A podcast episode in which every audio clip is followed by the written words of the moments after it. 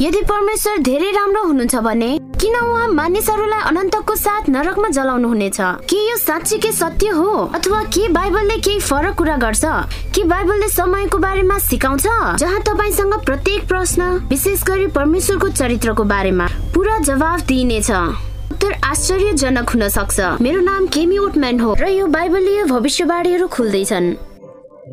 एक अन्तर्राष्ट्रिय महामारीको उदय। विश्वव्यापी राजनीतिक ध्रुवीकरण कोरोना भाइरस बारे ब्रेकिङ समाचार। कुप्रबन्धन र भ्रष्टाचार बढ्दो विनाशकारी प्राकृतिक प्रकोपहरू। र अस्ट्रेलियामा भएका आग लागिहरू विश्वभरि के हुन सक्छ भनेर एक चेतावनी हो। यसको अर्थ के हो? भविष्यमा के हुन्छ? अन्तर्राष्ट्रिय वक्ता क्यामी वेटम्यानसँग जोडिनुहोस्। खोलिएको बाइबलीय भविष्यवाणीहरूमा उत्तरको लागि यात्राहरूमा उनको संसारको यात्रामा। उनी वास्तविक जीवनको सङ्घर्षको साथ आम्ने सामने छिन् तर उनीहरूको बीचमा उनले आशाको चमत्कार भेट्टाइन्। क्यामी वेटम्यानसँग सामेल हुनुहोस् खुलाइएको बाइबलीय भविष्यवाणीहरूको लागि। उनी बताउँछिन् कसरी बाइबलीय भविष्यवाणीहरू पुरा भएका छन्। पहिले भन्दा छिटो। स्वागत छ खोलिएको बाइबलीय भविष्यवाणीहरूमा। बाइबलको सबैभन्दा रोमाञ्चक अन्वेषणमा प्रस्तुतिमा हामीले वास्तविक स्पष्टताका साथ पत्ता लगायौं। त्यो सबै समयको सबैभन्दा ठुलो उद्धार मिसन हो। ख्रिस्टको दोस्रो आगमन हो। बाइबलले स्पष्टसँग सिकाउँछ। यो पक्कै पनि कुनै रहस्य छैन। तर त्यो दृश्य श्रव्य मौसम गौरवशाली फिर्ती म त्यस दिनको लागि धेरै पर्खिरहेको छु। म आशा गर्छु तपाईँ पनि मित्र हुनुहुन्छ। त्यहाँ धेरै उत्सुकता छ। न्याय नर्क र एक हजार वर्षको बारेमा शीर्षकहरू। के तपाईँ थाहा पाउँदा अचम्मित हुनुहुन्छ? सबैभन्दा इसाई अवधारणा। ग्रिक पौराणिक कथामा उत्पत्ति भयो। र बाइबलको शिक्षासँग कुनै सरोकार छैन। हरेक बाइबल सत्यको लागि सैतानसँग त्यसको नक्कल छ। तपाईँहरू कतिको बारेमा म धेरै उत्साहित छु। कुराकानीमा सक्रिय छन्। वास्तवमा अहिले नै किन तपाईँ हामीसँग कुरा साझा गर्नुहुन्न? खोलिएको बाइबलीय भविष्यवाणीहरूमा कतिवटा प्रसङ्गहरू छन्। तपाईँले हेर्नुभयो रात नौ नम्बर छ। त्यसैले कुराकानीमा नम्बर राख्नुहोस् र हामीलाई जानकारी दिनुहोस्। हाम्रो प्रत्यक्ष अनलाइन बाइबल प्रशिक्षकहरू मलाई अद्भुत प्रतिवेदन दिएको छ। तपाईँले सोध्नु भएको उत्कृष्ट प्रश्नहरूको। हाम्रो अनलाइन बाइबल स्कुलमा को को जोडिनु भएको छ? यदि तपाईँ तल क्लिक गर्न चाहनुहुन्छ भने यो पनि याद गर्नुहोस् कि तपाईँ सबै पछिल्ला प्रस्तुतिकरणहरू हेर्न सक्नुहुन्छ। एडब्लुआर डट ओआरजी स्ल्यास बाइबलमा हामीसँगै प्रार्थना गरौँ र तुरन्तै उजाड स्थानमा प्रवेश गरौँ। स्वर्गीय पिता ब्रह्माण्डको राजा हाम्रो हृदयको राजा हे प्रभु आफैलाई खाली गर्नुहोस्। तपाईँको पवित्र आत्माले मलाई भर्नुहोस्। हे प्रभु हामी तपाईँलाई भक्ति गर्दछौ र हामी तपाईँको वचन जान्न चाहन्छौ र हामीलाई थाहा छ कि तपाईँ हामीलाई अगाध प्रेम गर्नुहुन्छ। तपाईँको पुत्र येसुको बलिदानको कारण हामीलाई धेरै माया गर्नु भएकोमा धन्यवाद। येसुको बहुमूल्य शक्तिशाली नाममा। आमेन। मलाई थिसो लाभोको बारेमा बताउन दिनुहोस्। मेरो चलचित्र दल र म मेडगास्करको खतरनाक रातो क्षेत्रको यात्रा थिसुलाभोको भयावह जीवन दस्तावेज गर्न। र यदि तपाईँ चाहनुहुन्छ भने तपाईँ पुरा कथा एडब्लुआर डट ओआरजीमा हेर्न सक्नुहुन्छ। लाभोले अकथनीय अपराधको डरलाग्दो जीवन बिताएको थियो। दसजना भन्दा बढीको हत्या गर्दै उनले जङ्गली जनावर जस्तै लुक्न शरण लिए। उनको परिवारले उनलाई अस्वीकार गरेका थिए र उनी जाने कुनै ठाउँ थिएन। उडन्त पुत्र जस्तै उसले हराउने केही पनि थिएन भनी निर्णय गरे र वनबाट बाहिर निस्के र सेभेन डे एडभेन्टिज भेटाए। त्यहाँको एल्डरले उनलाई सधैँ स्वागत छ भनेर आश्वासन दिए र उसको लागि प्रार्थना गर्ने प्रतिज्ञा। पुलिसको पक्राउ पर्ने डरमा अब थिसलाबो फेरि जङ्गलमा दौडे। तर यो समय उसले एउटा सानो रेडियो लियो। यो मात्र उसको बाहिरी संसारसित जोड्ने थियो। र उसले उत्सुकतापूर्वक सुने। उसले एडभेन्टिज विश्व रेडियोमा च्यानल परिवर्तन गर्यो। र उसले एउटा आशा पायो जस्तो पहिले उसलाई कहिल्यै थाहा थिएन। यो वचनले उनको आत्मालाई हलुका बनायो। अनि ऊ परमेश्वरसित प्रेम गर्न थाल्यो। जसले ऊ जस्तो पापीलाई क्षमा दिनुहुन्छ। आफ्नो नयाँ साथी यसु बारेमा उत्साहित अपराधीहरूलाई निमन्त्रण गर्न सुरु गर्यो। त्यो पनि जङ्गलमा लुक्दै थिए उहाँलाई सुन्न। ख्रिस्ट मार्फत तिनीहरूको मुक्तिको बारेमा विश्वस्त थिए। थिसुलाभो र पन्ध्र अरू अपराधीहरू जङ्गलबाट बाहिर निस्के। एडभेन्टिस चर्चमा बप्तिस्माको खोजी गर्दै आज थिस्लाबो येसुमा स्वतन्त्र जीवन जिउँछ। ऊ एउटा ज्यानमा र अपराधी थियो तर आज उसले अरूलाई बाइबल सत्य जान्न अगुवाई गर्छ। उसले परमेश्वरको वचनको पूर्ण रूपान्तरणको अनुभव गर्यो। उही जानकारी हामी यस श्रृङ्खलामा सधैँ अध्ययन गरिरहेका छौँ। मित्रहरू हामी संसार इतिहासको अन्तिम दिनहरूमा बाँचिरहेका छौँ। जीवन अहिले हामी जान्दछौ यो लगभग समाप्त भएको छ। यो संसार टुक्रिएको छ पतनको लागि तयार छ। सबै हिंसा र दङ्गासँग हामी अहिले विश्वभरि हेर्दैछौ। पछि के हुनेछ? यसो चाँडै फर्कनु हुनेछ र हामी बाइबलबाट सिकेका छौँ हामीसँग केवल एउटा अवधि छ। जाँचको एक अवधि। र यो हाम्रो वर्तमान जीवनको समयमा हो। बाइबल के भन्छ? के हुन्छ? ख्रिस्टको दोस्रो आगमन पछि जब धार्मिकता स्वर्गमा लगियो र ती जसले परमेश्वर अनुसरण गर्न छनौट गरेनन् पृथ्वीमा मरेका छन्। प्रकाशमा यो एक हजार वर्ष अवधिको कुरा। अन्यथा सहस्राब्दीको रूपमा चिनिन्छ। सँगै हामी सरल बाइबल सत्य देख्नेछौ। सहस्राब्दीको बारेमा र घटनाहरू जुन यो सुरु र अन्तमा चिन्न लगाइन्छ। यसु प्रकाश बाइसको साथमा भन्नुहुन्छ हेर म चाँडै आउँदैछु। अगमबाडीका वचन पालन गर्ने धन्यको हो। यस पुस्तकमा लेखिएको परमेश्वरले हामीलाई अन्जान मित्र भएको चाहनुहुन्न। उनले पक्का गरे कि उनको वचन लेखिएको थियो र सुरक्षित गरिएको थियो। ताकि कोही पनि बुझ्न सक्छन् यदि तिनीहरू चाहन्छन् भने। भविष्यवाणी अध्ययन गर्दा बाइबल यसको आफ्नै दोभाषी अनुवाद हुन्छ। यो यसको प्रयोग प्रतीकहरूको लागि यसको आफ्नै परिभाषा प्रदान गर्दछ। हामीले अनुमान गर्नु पर्दैन। हामीले बाइबलको अंशहरू व्यवस्था गर्नु हुँदैन जुन हामीलाई उपयुक्त छैन वा बाइबलको अंशहरू लागु हुँदैन वा यसमा हाम्रो आफ्नै शब्दहरू थप्नु हुँदैन। तपाईँले देख्नु भएको छ परमेश्वरको वचन कहिले परिवर्तन हुँदैन। दुवै पुरानो र नयाँ नियम प्रमुख हुन्। तिनीहरू सँगै जान्छन् किनभने परमेश्वर हिजो आज र सदा सर्वदा उस्तै हुनुहुन्छ। हामी सँगै हाम्रो विषयको समीक्षा गरौँ। यदि त्यो बाइबलमा छ भने म विश्वास गर्छु र यदि बाइबलसँग असहमत छ भने यो मेरो लागि होइन। प्रकाश अध्याय बिस बताउँछ कि एक शक्तिशाली स्वर्गदूत शैतानलाई एक ठुलो साङ्लाले बाँध्न जाँदैछ।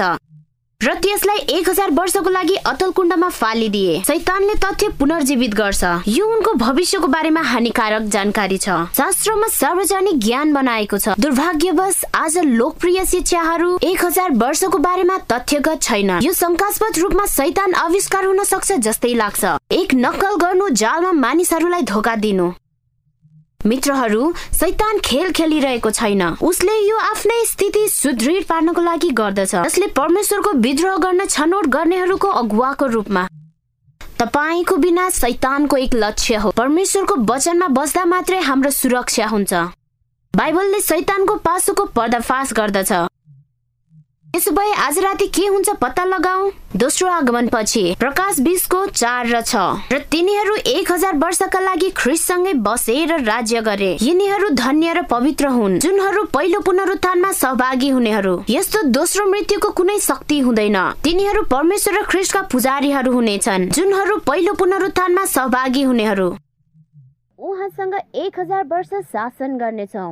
ख्रिस्ट आउनुहुन्छ। धर्मीहरू बौरी उठ्नेछन् र हावामा येसुलाई भेट्न उठ्नेछन्। हामी स्वर्गमा जान्छौँ।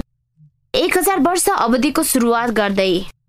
म त्यो समूहमा हुन चाहन्छु होइन? यसो पनि भन्नुहुन्छ दोस्रो पुनरुत्थानको बारेमा। जब पापीहरू बिउताइनेछन् रहेका चिहानहरूबाट यो पाँचको अठाइस र उन्तिस। यसमा अचम्म नमान किनभने समय आइरहेछ। जब चिहानमा उनीहरू सबैले उसको स्वर सुन्नेछन् र बाहिर निस्किआउनेछन् सुकर्म गर्नेहरू जीवनको पुनरुत्थानको निम्ति र कुकर्म गर्नेहरू चाहिँ दण्डज्ञाको पुनरुत्थानको निम्ति। प्रकाश बिसको पाँच हामी देख्न सक्छौ जब यो हुन्छ यो पहिलो पुनरुत्थान हो। अरू मरेकाहरू चाहिँ ती एक हजार वर्ष नबितुन्जेल जीवित भएनन्। अरू मरेकाहरू चाहिँ ती एक हजार वर्ष नबितुन्जेल जीवित भएनन्। यो पहिलो पुनरुत्थान हो। यो एउटा महत्वपूर्ण तथ्य हो। सहस्राब्दी समय हो। पहिलो र दोस्रो पुनरुत्थानको बीचमा पहिलो पुनरुत्थानमा एउटा ठुलो घटना घट्छ। यसुको दोस्रो आगमन। हामीलाई पहिलो तेस्लोनिकी चारको स्वरमा बताइएको छ। किनकि प्रभु स्वयं हुकुमको गर्जनसित प्रधान स्वर्गदूतको आवाज र परमेश्वरका तुरैको स्वरसित स्वर्गबाट ओर्लनु हुनेछ र ख्रिस्टमा मरेकाहरू चाहिँ पहिले बौरी उठ्नेछन्। यसो आफ्ना मानिसहरूलाई बचाउन आउनुहुन्छ जसले उहाँलाई प्रेम गर्दछ र उहाँको मार्ग अनुसरण गर्दछ। सन्तहरू जो चिहानबाट बौरी उठेका छन् र यसो फर्किनुहुन्छ भनेर हेर्न जीवित रहेका सन्तहरू तत्काल उत्तम अमर शरीर दिइरहन्छ। म पर्खिन सक्दिन। पहिलो कुरन्ती पन्ध्रको एकाउन्न बाहन्न हेर म तिमीहरूलाई एउटा रहस्य भन्दछु। हामी सबै सुत्दैनौ तर हामी सबैको परिवर्तन हुनेछ। एकै क्षणमा आँखाको एक निमेषमा तुरैको आखिरी आवाजमा। किनभने तुरै बज्नेछ र मृतकहरू अविनाशी भएर जीवित हुनेछन् अनि हाम्रो चाहिँ परिवर्तन हुनेछ। दोस्रो कि दुईको आठले हामीलाई भन्छ पापीहरूलाई के हुन्छ जब यसो फर्कनुहुन्छ? तब त्यस पापको मानिस प्रकट हुनेछ जसलाई प्रभु येसुले आफ्नो मुखको सासले नाश पार्नुहुनेछ र उहाँका आगमनको प्रकाशले त्यसलाई नाश गर्नुहुनेछ। प्रकाश बिसको पाँच। अरू मरेकाहरू चाहिँ ती एक हजार वर्ष नबितुन्जेल जीवित भएनन्। यो पहिलो पुनरुत्थान हो। बाइबलीय कार्यक्रमहरू कसरी छोडिदिन्छन् भनेर समीक्षा गरौँ। जुन एक हजार वर्ष सुरु हुन्छ। पहिलो आफ्ना पवित्र जनहरूको लागि यसुको दोस्रो आगमन। धर्मी मरेकाहरूको पुनरुत्थान हुन्छ र बाँचेका धर्मीहरू अमरत्वमा परिवर्तन हुन्छन्। सबै धर्मी जनहरू बादलमा लगिन्छन्। हावामा येसुलाई भेट्न। अन्तमा स्वर्गतर्फ उनीहरूको बाटोमा। प्रभुको आगमनमा ती दुष्टहरू मारिए। दुष्ट मानिसहरू मरे। सैतान जब उजाड भूमिमा भौतारिन बाध्य छ। यहाँ यर्मियाको वर्णन छ उहाँले पृथ्वीमा दर्शनमा के देख्नुभयो? यसुको आगमनपछि यर्मिया पच्चिसको तेत्तिस। त्यस दिन परमप्रभुले मार्नुभएकाहरू सबै ठाउँमा पृथ्वीको एक कुनादेखि अर्को कुनासम्म हुनेछन्। उनीहरूका निम्ति कसैले बिलाप गर्ने छैनन् अथवा ती लासहरूलाई कसैले जम्मा गर्ने छैन न त गाड्नेछ। तिनीहरू जमिनमा मल जस्तै हुनेछन्। यर्मियाले पृथ्वीलाई ढाकिएको लासहरू देख्छन्।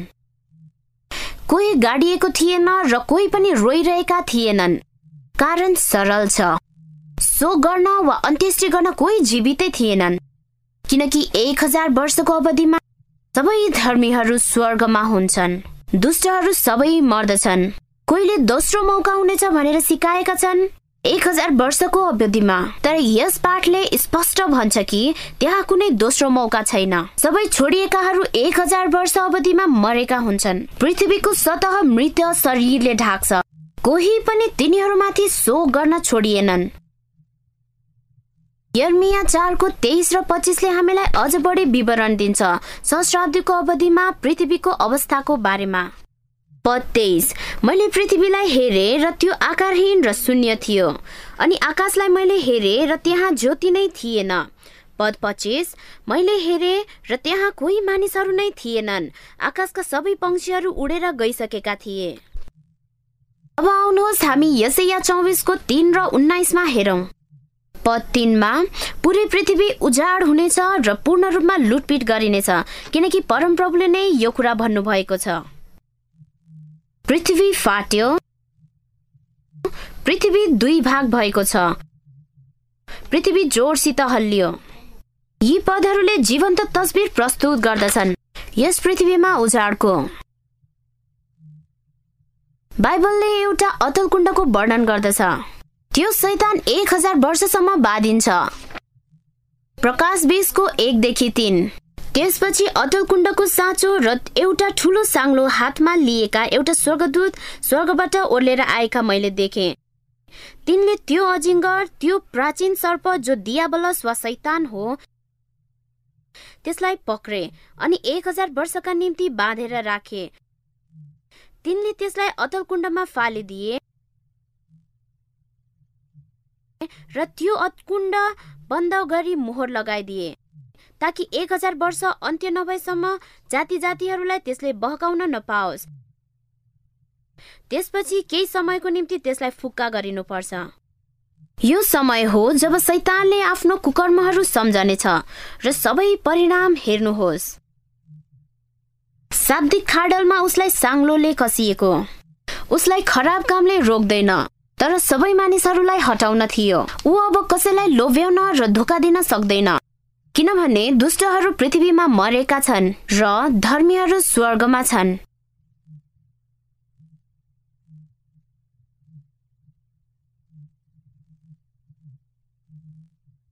सैतान अब एक्लै छ।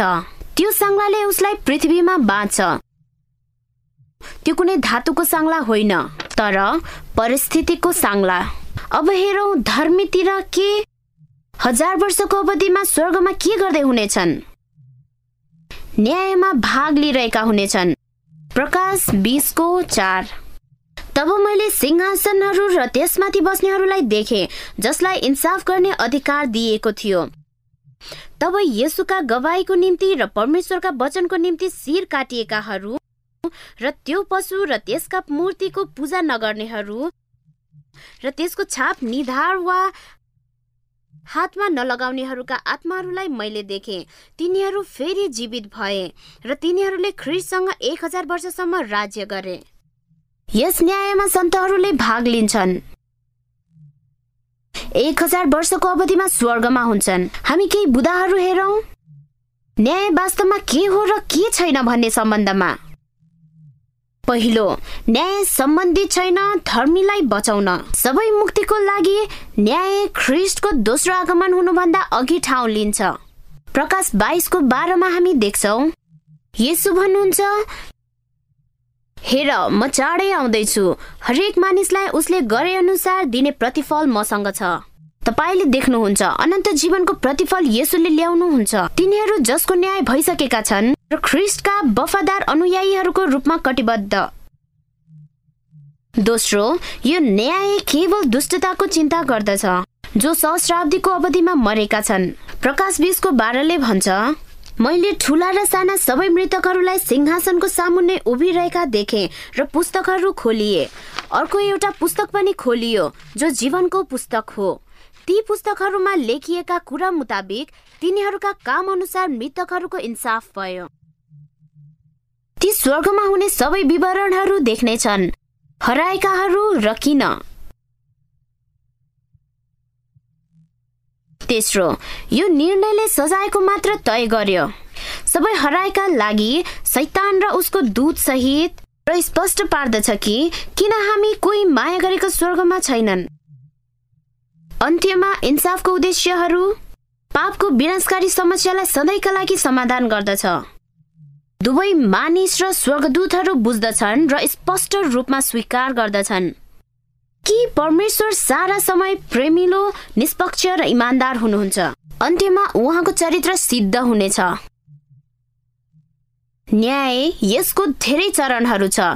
स्पष्ट पार्दछ यो मानिस र स्वर्गदूतहरूका दुवैका लागि हाम्रो सबै प्रश्नहरूको सम्पूर्ण दिइन्छ। परमेश्वर पहिले नै सबै कुरा पूर्ण रूपमा बुझ्नुहुन्छ। न्याय परमेश्वरको फाइदाको लागि होइन तर हाम्रो लागि हो। उहाँ धेरै अनुग्रही हुनुहुन्छ। हामी समीक्षा गरौँ। एक हजार वर्षको अवधिमा घटना र परिस्थितिहरू सन्तहरू स्वर्गमा दुष्टहरूको इन्साफमा भाग लिन्छन् जबकि पृथ्वी विनाश र पूर्ण अन्धकारमा छ। र त्यहाँ पृथ्वीमा कोही पनि मानिस जीवित छैन जबकि सैतान र उसका दूतहरू पृथ्वीमा रहन बाध्य छन्। ऊ बाँधिएको रूपमा छ। एक हजार वर्ष बन्दको बारेमा प्रकाश एक्काइसको दुईमा योहन्ना लेख्नुहुन्छ। अनि मैले परमेश्वरबाट दुलहाको निम्ति दुलही जस्तै गरी सिङ्गारिएर तयार पारिराखेकी अर्थात् पवित्र सहर नयाँ यरुसलेम स्वर्गबाट तलतिर झरिरहेको देखे। अब यदि तपाईँले पछिल्लो रातको प्रस्तुति उद्धार गुमाउनु भयो भने हामी यसको झलकका साथ प्रकाश एक्काइस अध्ययन गरौँ। पवित्र सहरको भव्य विवरण। के तपाईँलाई थाहा थियो कि बाइबलीय घटनाले हामीलाई भन्छ? जहाँ पवित्र सहर पृथ्वीमा स्थित हुनेछ। सहस्राब्दी पछि जकरिया चौधको चार त्यस दिन उहाँका खुट्टाले यरुसलेमको सामु पूर्वतिर भएको जैतुन डाँडामा टेक्नेछन् अनि पूर्वदेखि पश्चिमसम्म जैतुनको डाँडाको बीचमा धाँधो फाट्नेछ र त्यहाँ एउटा ठुलो खोल्सा बनिनेछ। आधा पर्वत उत्तरतिर र आधा पर्वत दक्षिणतिर छुटिनेछ। साथीहरू मेरो भिडियो चालक दल र म भर्खरै फिल्ममा थियौँ। जैतुन डाँडामा र सोच्नको लागि त्यो त्यहाँ पवित्र सहर छ। अनन्त बस्नेछ प्रभु जैतुन डाँडामा उभिनुहुन्छ। डाँडाहरू फैलिएर एक ठुलो समतल बनाउन पवित्र सहरको एक जगको रूपमा। ध्यान दियौँ जब यसो तेस्रोचोटि आउनुहुन्छ एक हजार वर्षको अन्त्यतिर यो चाहिँ उहाँको आफ्ना सन्तहरूसित हो। जकरिया चौधको पाँच। तिमीहरू मेरो पर्वतको खोल्साबाट भएर भाग्नेछौ किनकि त्यो आलेसम्म फैलिनेछ। यहुदाका राजा उज्जियाका पालोमा आएका भूकम्पमा मानिसहरू भागे झै तिमीहरू भाग्नेछौ। तब परमप्रभु मेरा परमेश्वर उहाँका सबै पवित्र जनहरूसँग आउनुहुनेछ। जारी छ प्रकाश बिसको साथमा एक हजार वर्ष बितेपछि सैतान त्यसको कैदबाट छोडिनेछ। सम्झनुहोस् दुष्टहरूको पुनरुत्थान एक हजार वर्ष समाप्तितिर यो घटनाले ठाउँ लिन्छ। प्रकाश बिसको पाँच अरू मरेकाहरू चाहिँ ती एक हजार वर्ष नबितिन्जेल जीवित भएनन्। यो अन्तिम पुनरुत्थान सबै दुष्टका लागि हो। जब शैतानलाई छोडिन्छ एक लामो आगमन निषेध ठाउँ त्यहाँबाट काङ्लाले बाँधेको अवस्थाबाट छोडियो र फेरि मानिसलाई धोका दिन्छ। पवित्र सहरमाथि आक्रमण गर्न तिनीहरूलाई सहमति गराउँदै र परमेश्वरको सिंहासनलाई तान्न। यस समय शैतानले देखाउँछ। उसको हृदय केही पनि परिवर्तन भएको थिएन। प्रकाश बिसको आठले भन्छ कि पृथ्वीका चारै दिशामा भएका देश देशका मानिसहरूलाई बहकाउन अर्थात् गोग र मागोगलाई लडाईँको निम्ति भेला गर्न निस्केर आउनेछ। तिनका संख्या समुद्रका बालुवा जतिकै हुनेछन्। प्रकाश बिसको नौमा तिनीहरूले सारा पृथ्वीभरि गएर सन्तहरूका छाउनीको वरिपरि र प्रिय सहरहरूलाई घेरे। तर स्वर्गबाट आगो बर्सेर तिनीहरूलाई भस्म पार्यो। यदि म आगोबाट उम्कने हो भने मेरो नाम कहाँ लेख्नु पर्छ प्रकाश बिसको पन्ध्रले हामीलाई भन्छ जसको नाउँ जीवनको पुस्तकमा लेखिएको भेटाइएन त्यो अग्निकुण्डमा फालियो। साथीहरू हामी हाम्रो नाउँ जीवनको पुस्तकमा चाहन्छौ। जीवनको पुस्तकमा के हुन सक्दछ? हाम्रो नाम त्यहाँ फेला पार्नको लागि येसुसँग हाम्रो व्यक्तिगत सम्बन्ध हुनुपर्छ। र उहाँलाई हामी हाम्रो पापहरू क्षमा माग्छौँ ताकि हामी नयाँ यरुसलेम प्रवेश गर्न सकौँ। यहाँ एक हजार वर्षको अन्त्यतिर बाइबलीय घटनाहरू छन्। आफ्ना जनहरूको साथमा यसु पृथ्वीमा फर्किनुहुन्छ। पवित्र सहर जैतुन डाँडामा ओर्लिनुहुन्छ।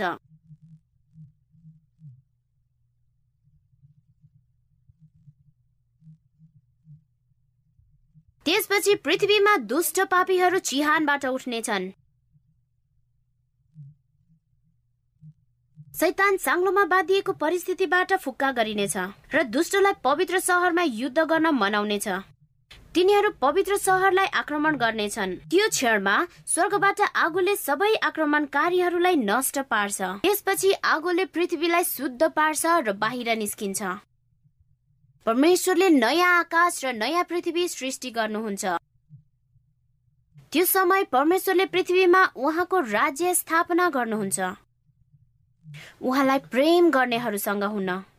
धेरैले सिकाउँछन् कि त्यहाँ एउटा मौका हुनेछ। एक हजार वर्षको अवधिमा पश्चाताप गर्नलाई। कसै कसैले यसलाई दोस्रो मौका भन्छन्। अन्यहरूले दावी गर्छन् कि त्यो पहिलो एक मौका हुनेछ वा तिनीहरूलाई मौका दिइयो। जसले मुक्तिको योजना कहिले सुनेका छैनन्। तर धर्मशास्त्र अनुसार त्यो असम्भव छ। मत्ती चौबिसको सडतिसदेखि उनाचालिसले यसुको दोस्रो आगमनलाई तुलना गर्छ। नोवा र जल प्रलयको समयमा जान्दछौ कि तिनीहरूले दोस्रो मौका पाएन सुरक्षाको जहाजमा प्रवेश गर्न हामी हेरौँ। पद सैतिस नोवाको दिन जस्तो थियो। मानिसका पुत्रको आगमनको पनि त्यस्तै हुनेछ। किनकि जसरी जल प्रलय भन्दा अगाडि तिनीहरू खाइरहेका पिइरहेका थिए विवाह बारी गरिरहेका थिए नुवा जहाजभित्र पस्ने दिनसम्म तिनीहरूले थाहा पाएनन्। अनि जल प्रलय आएर तिनीहरू सबैलाई स्वात्तै बगाई नलगेसम्म मानिसको पुत्रको आगमन पनि त्यस्तै हुनेछ। होइन। त्यहाँ दोस्रो अवसर थिएन। जीवनको ढोका बन्द भएको थियो। जसले सुरक्षाको जहाजमा परमेश्वरको निम्ति अस्वीकार गरे। हामी बाढीमा डुबेका छौँ र बाढीमा मरेका छौँ। सहस्राब्दी महिमा र शान्तिको एक हजार वर्ष हुने छैन।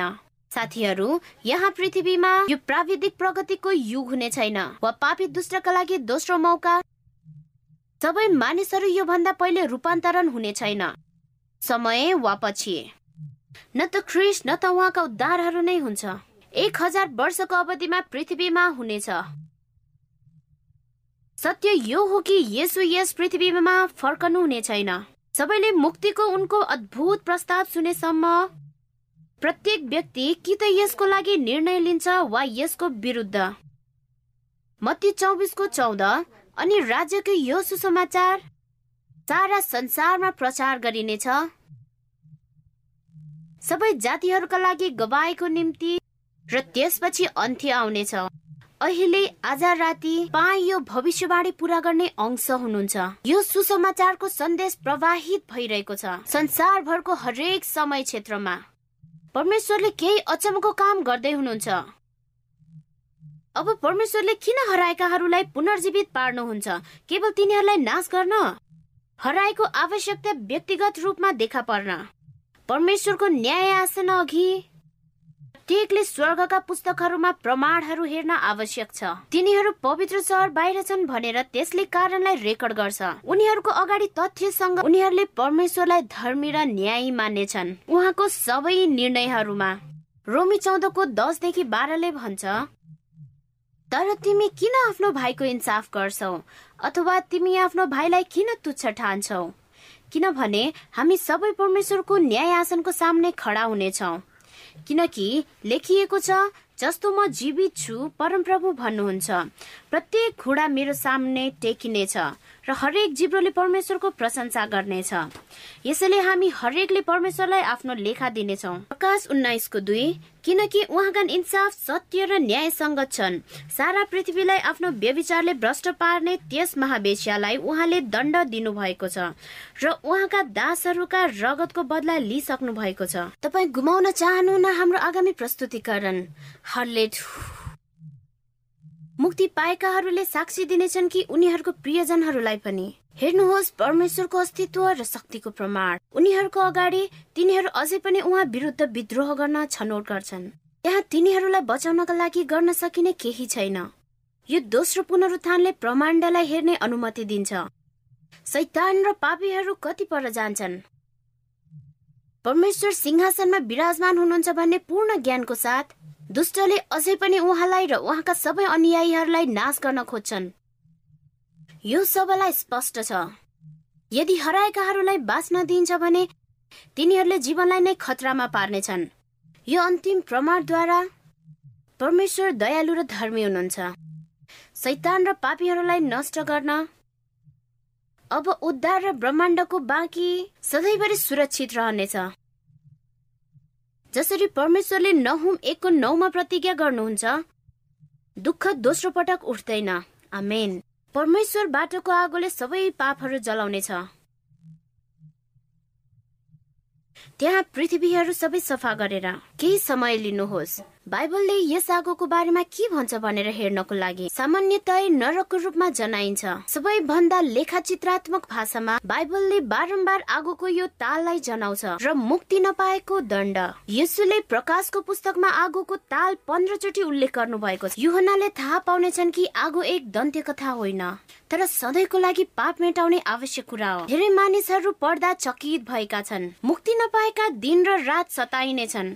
प्रकाश बिसको दसमा सदा सर्वदाको लागि। किनभने त्यस्ता शब्दहरूले दिमाग भर्छ। परमेश्वरको दया र न्यायको बारेमा डरलाग्दो गाह्रो प्रश्नहरूका साथ दुष्टलाई सधैँका लागि सजाय दिइन्छ। यिनीहरूको गम्भीरता वा पापहरूको संख्याको व्यवस्था गरी के एक पापी जो तीन हजार वर्ष पहिले मर्दछ? तीन हजार वर्ष बढी सजाय प्राप्त भन्दा एक जो आज मर्छ। र उही समान पापको लागि गुमाइएको छ। कसरी परमेश्वरले स्थायी रूपमा पापबाट छुटकारा पाउन सक्नुहुन्छ? कहीँ यदि पापीहरूलाई जीवितै शास्ति दिइन्छ भने सधैँभरि दन्किरहेको र आगोमा कराइरहेको कहिले दुष्टलाई आगोमा सजाय हुनेछ? दोस्रो पत्रुस दुईको नौ। यसरी भक्तलाई परीक्षाबाट बचाउन र भक्तिहीनहरूलाई न्यायको दिनसम्म दण्डमा जकडी राख्न प्रभु जान्नुहुन्छ। न्यायको दिन कहिले हो? योहन्ना बाह्रको अडचालिस। त्यसैले अन्त्यको दिनमा त्यसको न्याय गर्नेछ। मत्ती तेह्रको चालिसदेखि बयालिसमा संसारको अन्त उल्लेख गरिएको छ। हामी एक व्यक्ति जेलमा पठाउन सोच्ने छैनौँ। जबसम्म उसको मुद्दा चलाइयो वा न्याय गरेको थिएन न त आफ्ना मानिसहरूलाई दण्ड दिनुहुनेछ। अन्तिम न्यायसम्म तिनीहरू उहाँको सामना गर्छन् संसारको अन्त वा उहाँको सिंहासन अघि। तर यदि दुष्ट मरे भने पहिले नै आज नरकको आगोमा दाउरा छन्। त्यसो भए भविष्यको फैसलाको के आवश्यकता छ त? किनकि दुष्टहरूलाई नरकमा दण्ड दिइँदैन संसारको अन्तमा न्यायको दिनसम्म। अहिले कतिजना मानिसहरू नरकमा छन्। एकजना पनि छैन। सबै मरेको पापी दुष्टहरू उनीहरूकै चिहानमा छन्। दण्डको लागि पुनरुत्थानको पर्खाइमा। एक हजार वर्षको समाप्तिमा। चिहान। मेरो प्रस्तुतिको शीर्षक हो। हामी बाइबलमा पढ्छौँ कि मृत्युलाई निन्द्रा भनिन्छ। कम्तीमा पचास पटक। जस्तै दानियल बाह्रको दुईमा र तिनीहरू मध्ये धेरै पृथ्वीको धुलोमा सुतेका उठ्ने छन्। भजन सङ्ग्रह एक सय चारको उनातिस तपाईँले सास लिनुहुँदा ती मरिहाल्छन् र फेरि धुलोमा नै फर्किन्छन्। र उपदेशक नौको पाँचमा मरेकाहरूले त केही पनि जान्दैनन्। स्वर्गमा कुनै आत्मा तैरिरहेको छैन। वा नरकको ज्वालामा ढकालेको छ। किनकि दुष्टहरू मृत्युको मुखमा नरकको आगोमा जाँदैनन्। तिनीहरू कहाँ जान्छन्? अयुब एक्काइसको तीस र बत्तीस। दुष्टहरू क्रोधको दिनसम्म सुरक्षित छन्। तिनीहरूलाई क्रोधको दिनको अघि नै त्यो सुरक्षित स्थानमा लगिनेछ। तर उसलाई चिहानमा लगिनेछ र चिहानमा रहनेछ। ध्यान दिनुहोस् कि धर्मी र दुष्ट विभिन्न पुरस्कार प्राप्त गर्दछन्। रोमी छको तेइस पापको ज्याला मृत्यु हो। तर परमेश्वरको उपहार हाम्रो प्रभु येसुमा अनन्त जीवन हो। धर्मीहरू अनन्त जीवन प्राप्त गर्छन् जबकि पापी दुष्टहरूले मृत्यु प्राप्त गर्दछन्। तर दुष्टको पुरस्कार अनन्तको पीडा हुँदैन। तिनीहरू मृत्युको अनन्त अन्तिमता प्राप्त गर्छन्। जहाँ त्यहाँ पुनरुत्थान हुँदैन। परमेश्वरको वचन अनुसार पापको ज्याला सदाको लागि नरकको आगोको ज्वालामा जल्दैन। यो स्थायी लोप हुन्छ। पहिलो र दोस्रो मृत्यु भिन्न हुन्छ। कुनै पुनरुत्थान हुँदैन दोस्रो मृत्युबाट। त्यो अन्तिम हुन्छ। आगो पृथ्वीबाट दुष्टहरूलाई नष्ट गर्न माथिबाट आउँछ। र लोकप्रिय विचारबाट होइन। कि तल एक धुवा आइरहने नरक छ। प्रकाश बिसको नौ सधैँ बाइबल लियौँ। हामीलाई उत्तर दिनुहोस्। र स्वर्गबाट आगो परमेश्वरबाट आयो र तिनीहरूलाई भस्म पार्यो। धेरै आत्मा भन्छन् वा मलाई माफ गर्नुहोस् धेरै मान्छे भन्छन्। त्यो आत्मा कहिले मर्दैन। तर परमेश्वर के भन्नुहुन्छ? इजिकियल अठारको बिस। त्यो प्राण जसले पाप गर्छ त्यही मर्छ। त्यो स्पष्ट छ।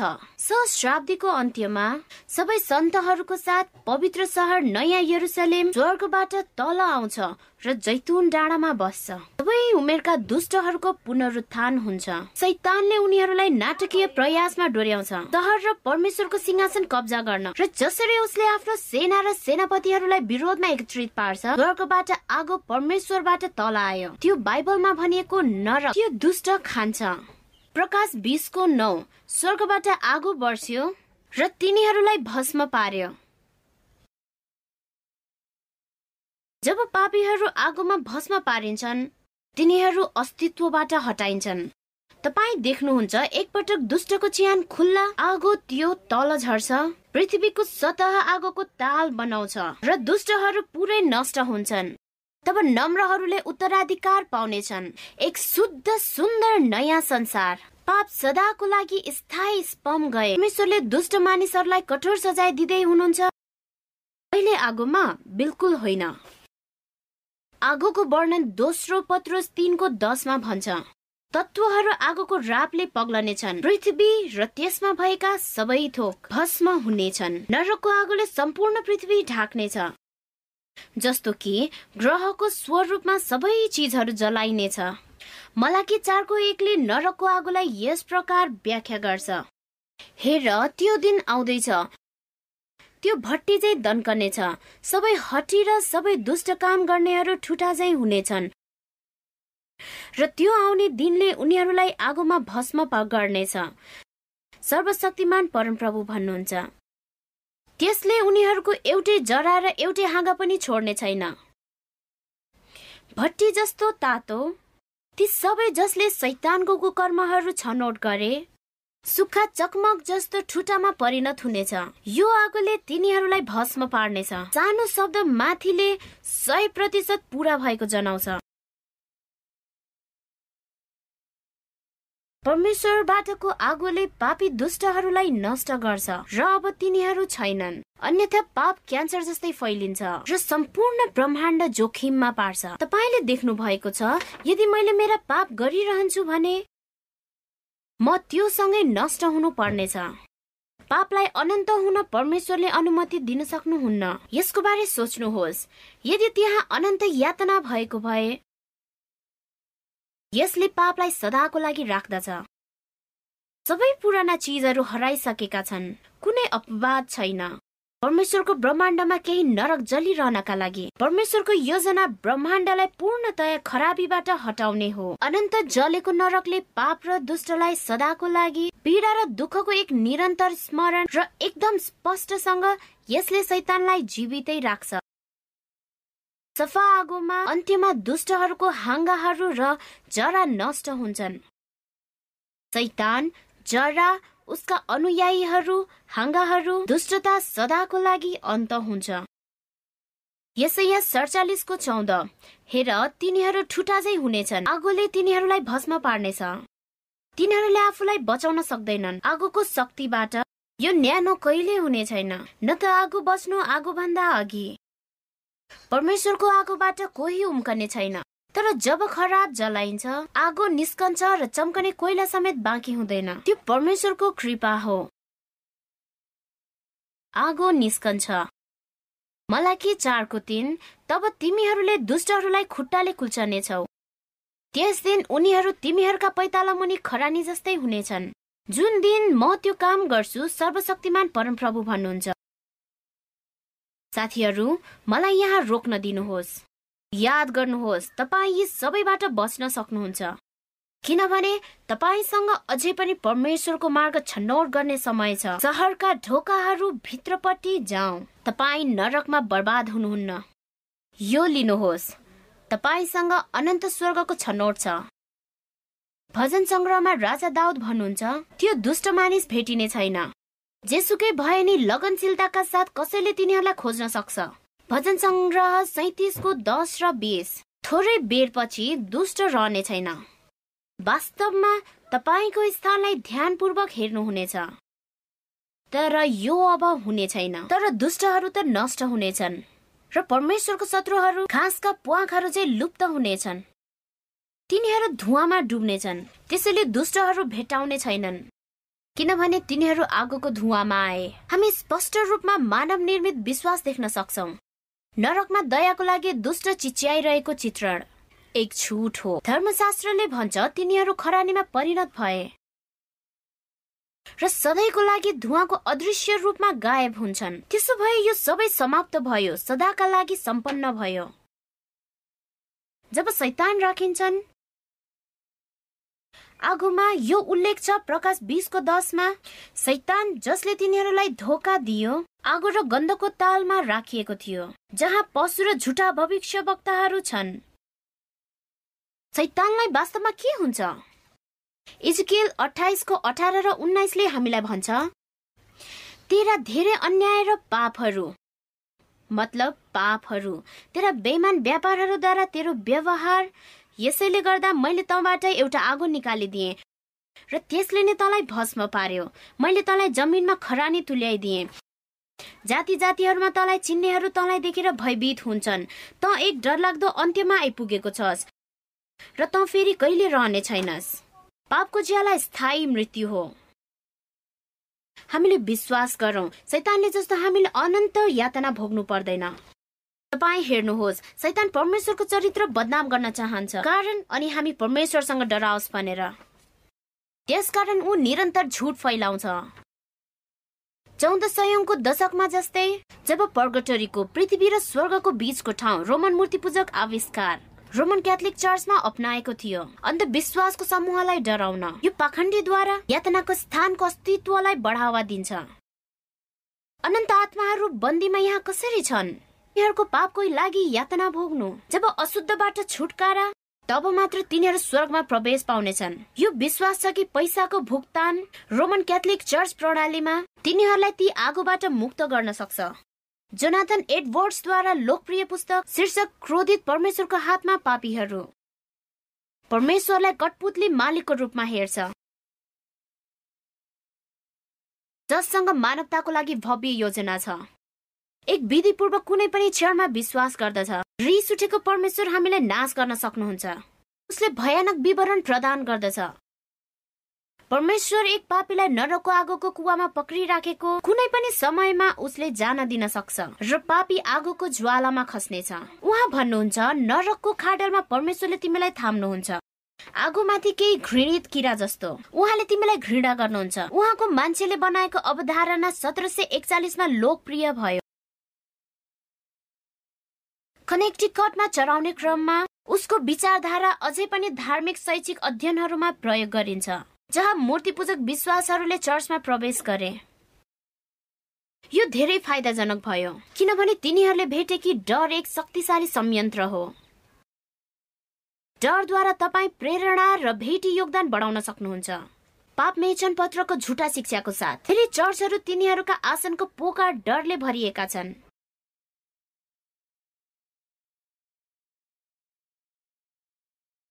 मित्र हामी हाम्रो बाइबल पढ्दा हामी देख्छौ कि स्वर्गमा परमेश्वर यस्तो हुनुहुन्न। यसको सट्टामा उहाँ सबै प्रेम दया शान्ति हुनुहुन्छ। डर छैन। शैतानले परमेश्वरलाई गलत अर्थ लाउँछ। यसुको लागि एउटा ठुलो शोक हो। अनन्त यातनाको शिक्षासँग। जब उसले पुरै फरक कुरा सिकायो। के तपाईँ आफ्नो बच्चा जलिरहेको उभिएर हेर्न सक्नुहुन्छ? एक घन्टा पनि एक डरलाग्दो अपराधको लागि यदि तपाईँको बच्चा अनाज्ञाकारी छ भने तपाईँ तिनीहरूलाई ननस्टप थप्पड हानेको सपना देख्नुहुन्न। एक वर्ष एक महिना हप्ता वा घन्टाका लागि तापनि मानिसहरूले हाम्रो प्रेमिलो परमेश्वर पितालाई दोष लगाउँछन् कि उनका अनाज्ञाकारी सन्तानहरूलाई सदाको लागि जलाउने। अन्त यातना बाइबलीय शिक्षा होइन तर झुट हो। मलाई एक केटाको उद्धृत गर्न दिनु जसले एक विचलित विचार सिकाउँदछ कि दुष्ट निरन्तर जलिरहेको। कुनै न कुनै तरिकामा सन्तहरूलाई खुसी ल्याउन सबै अनन्त भरिसम्म यो लेखक डाक्टर समुएल हपकिङ्स नरक यातनाको दृष्टि सन्तको खुसीलाई सधैँ उच्च पार्नेछ। जब उनीहरू अरूलाई देख्नेछन् जो उस्तै प्राकृतिकका हुन् र उही परिस्थितिहरूमा जन्मे यस्तो दुःखमा होमियो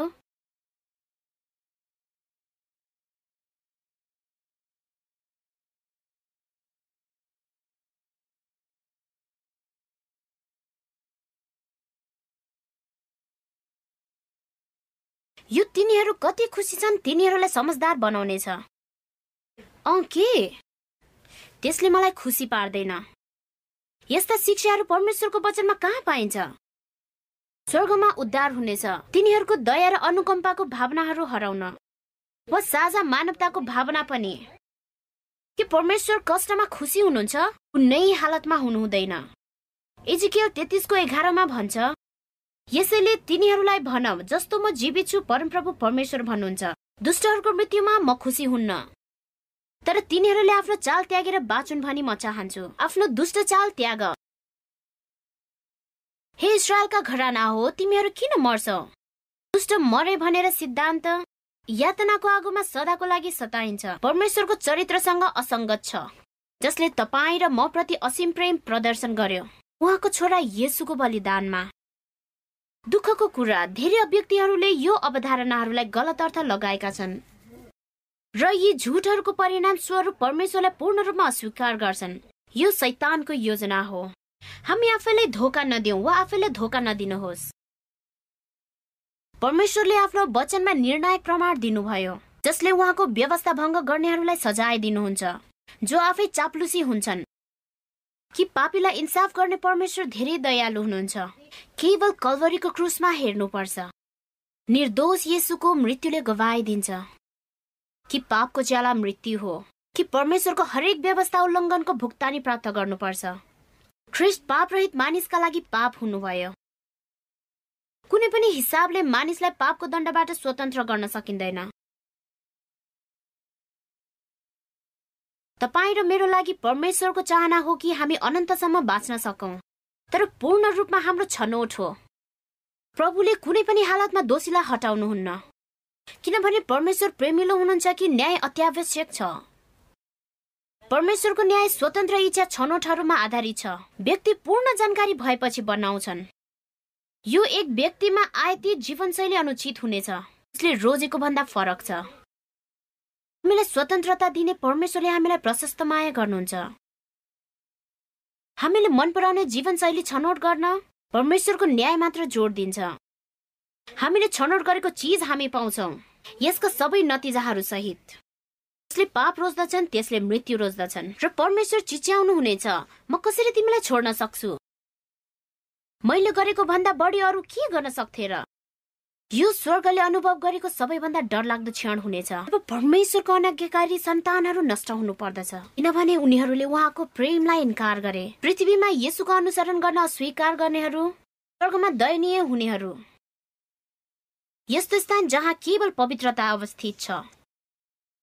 परमेश्वर स्वर्गमा प्रत्येक व्यक्ति चाहनुहुन्छ। एक व्यक्ति हराउनु आवश्यक छैन। त्यहाँ एक व्यक्ति छैन जो क्षमा पाउन लायकको छैन। मित्र स्वर्ग तपाईँको लागि खुल्ला छ। तपाईँसँग अझै पनि स्वर्गमा अनन्तता छनौट गर्ने समय छ। तपाईँले विगतमा के गर्नुभयो भन्ने कुरामा कुनै फरक पर्दैन। यसोले तपाईँलाई सुरक्षा गर्न पर्याप्त कृपा भन्दा बढी छ। केवल उहाँको प्रेममा समर्पण। यसले मलाई एक व्यक्तिको बारेमा सोच्न लगाउँछ कि हामी गोरु भन्ने छौँ। यो एक ए डल्लु आर चमत्कार कहानी छ। पादरी बोर्जन हाम्रो एडब्लुआर प्रसारकहरू मध्ये एक हुन्। भर्खर उसले एउटा फोन कल प्राप्त गर्यो। अर्को छेउमा एकदम शान्त आवाजका साथ यो काने खुसी मसँग दुई मिनट मात्र छ। के यो पादरी हो जसले आशाको अडियो सन्देश पठाउँदछ? पादरीले जवाफ दिए हो।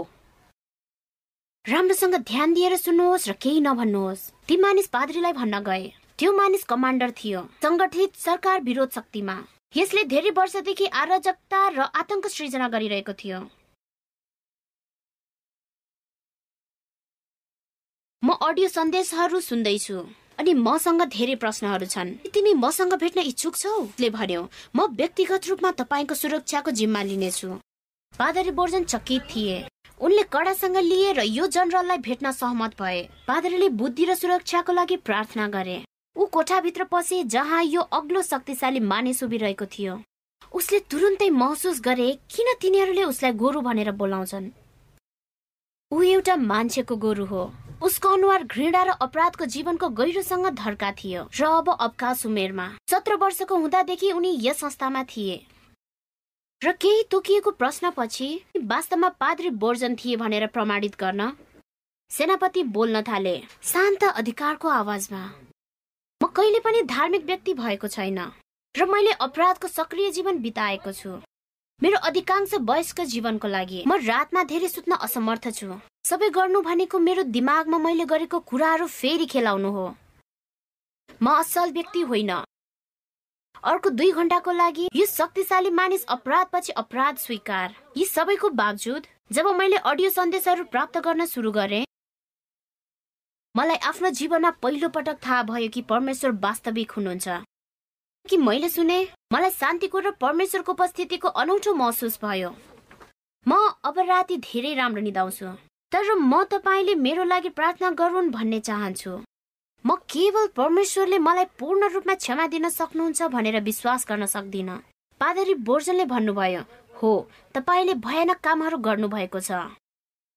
तर हाम्रो सबै संयुक्त पापभन्दा परमेश्वरको अनुग्रह ठुलो छ। उहाँ सक्षम र इच्छुक हुनुहुन्छ।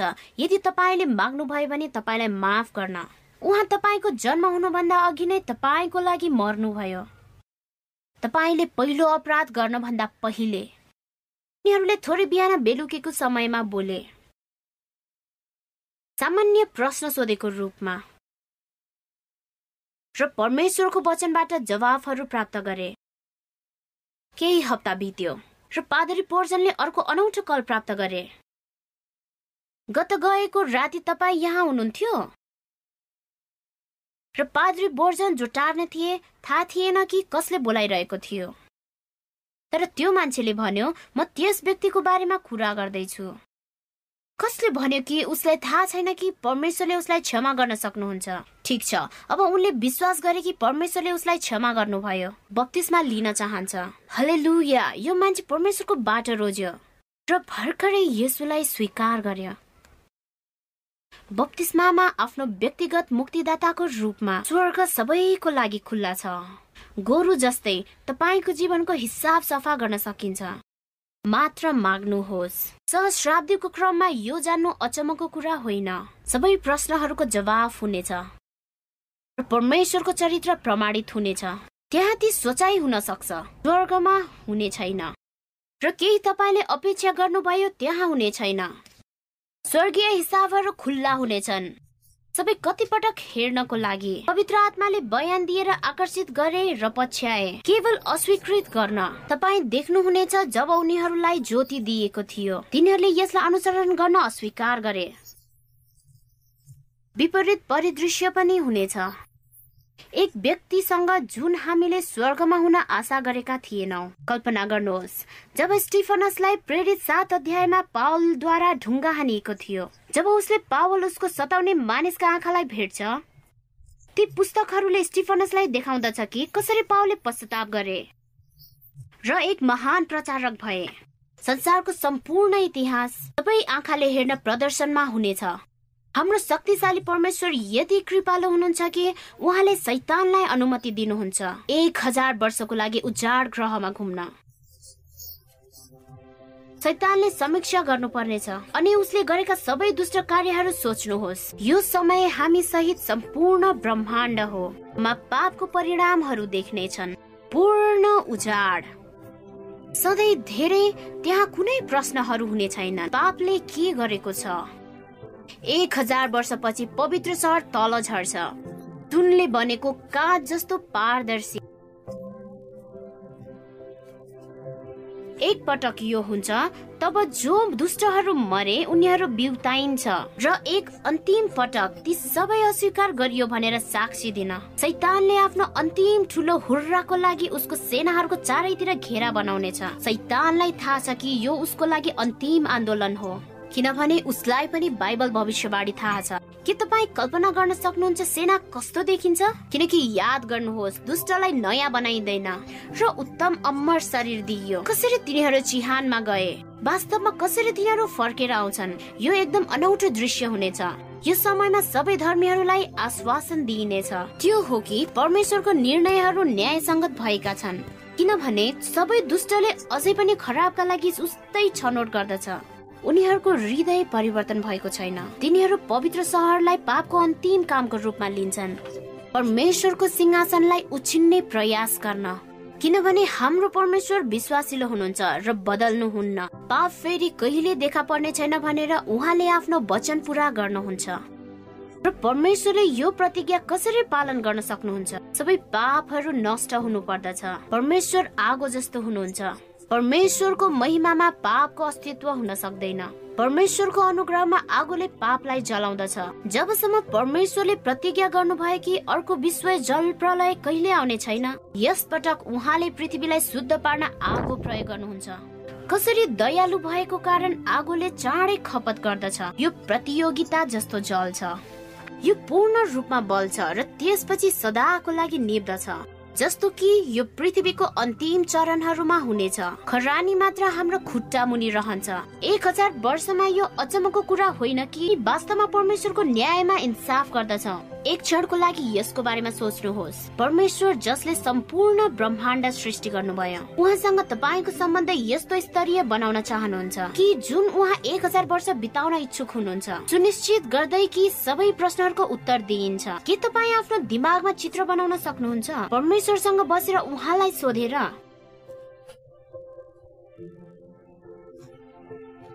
तपाईँको जीवनमा कुनै खास विषय वा घटनाको बारेमा? मित्र त्यो परमेश्वर हुनुहुन्छ जसमाथि हामी भरोसा गर्न सक्छौ। अहिले यो क्षणमा के तपाईँ उहाँलाई भन्न चाहनुहुन्छ? मलाई थाहा छ। म तपाईँमाथि विश्वास गर्न सक्छु प्रभु। म सदा तपाईँसित सम्बन्धमा हुन चाहन्छु। यदि यो तपाईँको इच्छा हो भने। हामीलाई थाहा दिनुहोस् र तल चाख लाग्दो कुरा कि तपाईँ परमेश्वरसँग एक अनन्त मित्र हुन चाहनुहुन्छ। तर म पनि तपाईँलाई मौका दिन चाहन्छु। अझ गहिरा प्रतिबद्धता बनाउनलाई। तपाईँ कोही नयाँ सुरुवातको लागि खोज्दै हुनुहुन्छ? कसरी नयाँ सुरुवात गर्ने भनेर सोध्दै आउनु भएको छ? र तपाईँ बत्तिसमा अन्वेषण गर्न चाहनुहुन्छ? हामीलाई थाहा दिनुहोस्। र तल चाख लाग्दो कुरा हामीसँग कसैले तपाईँलाई यसको बारेमा सम्पर्क राख्नेछ? तपाईँको लागि मलाई प्रार्थना गर्न दिनुहोस्। स्वर्गीय भुबा म विशेष आशिषको लागि प्रार्थना गर्दछु। आज यो रात हरेक श्रोतालाई तपाईँलाई थाहा छ हरेक दुखाइ प्रत्येक सङ्घर्ष तपाईँ प्रत्येकको लागि गहिरो ख्याल गर्नुहुन्छ। म ती निर्णयका उपत्यकामा बस्नेहरूको लागि प्रार्थना गर्दछु। तपाईँलाई पूर्ण छनौट गर्ने र तपाईँको पाइलामा हिँड्ने बारेमा। म प्रार्थना गर्दछु कि प्रत्येकले सत्य प्रेम अनुभव गर्नुपर्छ र खुसी साथ आफ्नो बाँकी जीवनको लागि येसुको सेवा गरून्। येसुको अनमोल शक्तिशाली नाउँमा। अमेन तपाईँहरूलाई धन्यवाद छ मसित समय बिताउनु भएको निम्ति। भोलि राति मलाई यहाँ भेट्नुहोस्। छापको लागि हो। त्यही पशुको छाप। खुल्लाइएको भविष्यवाणीमा परमेश्वरको बाटो रोज्नुहोस्। साथीहरू शुभरात्री।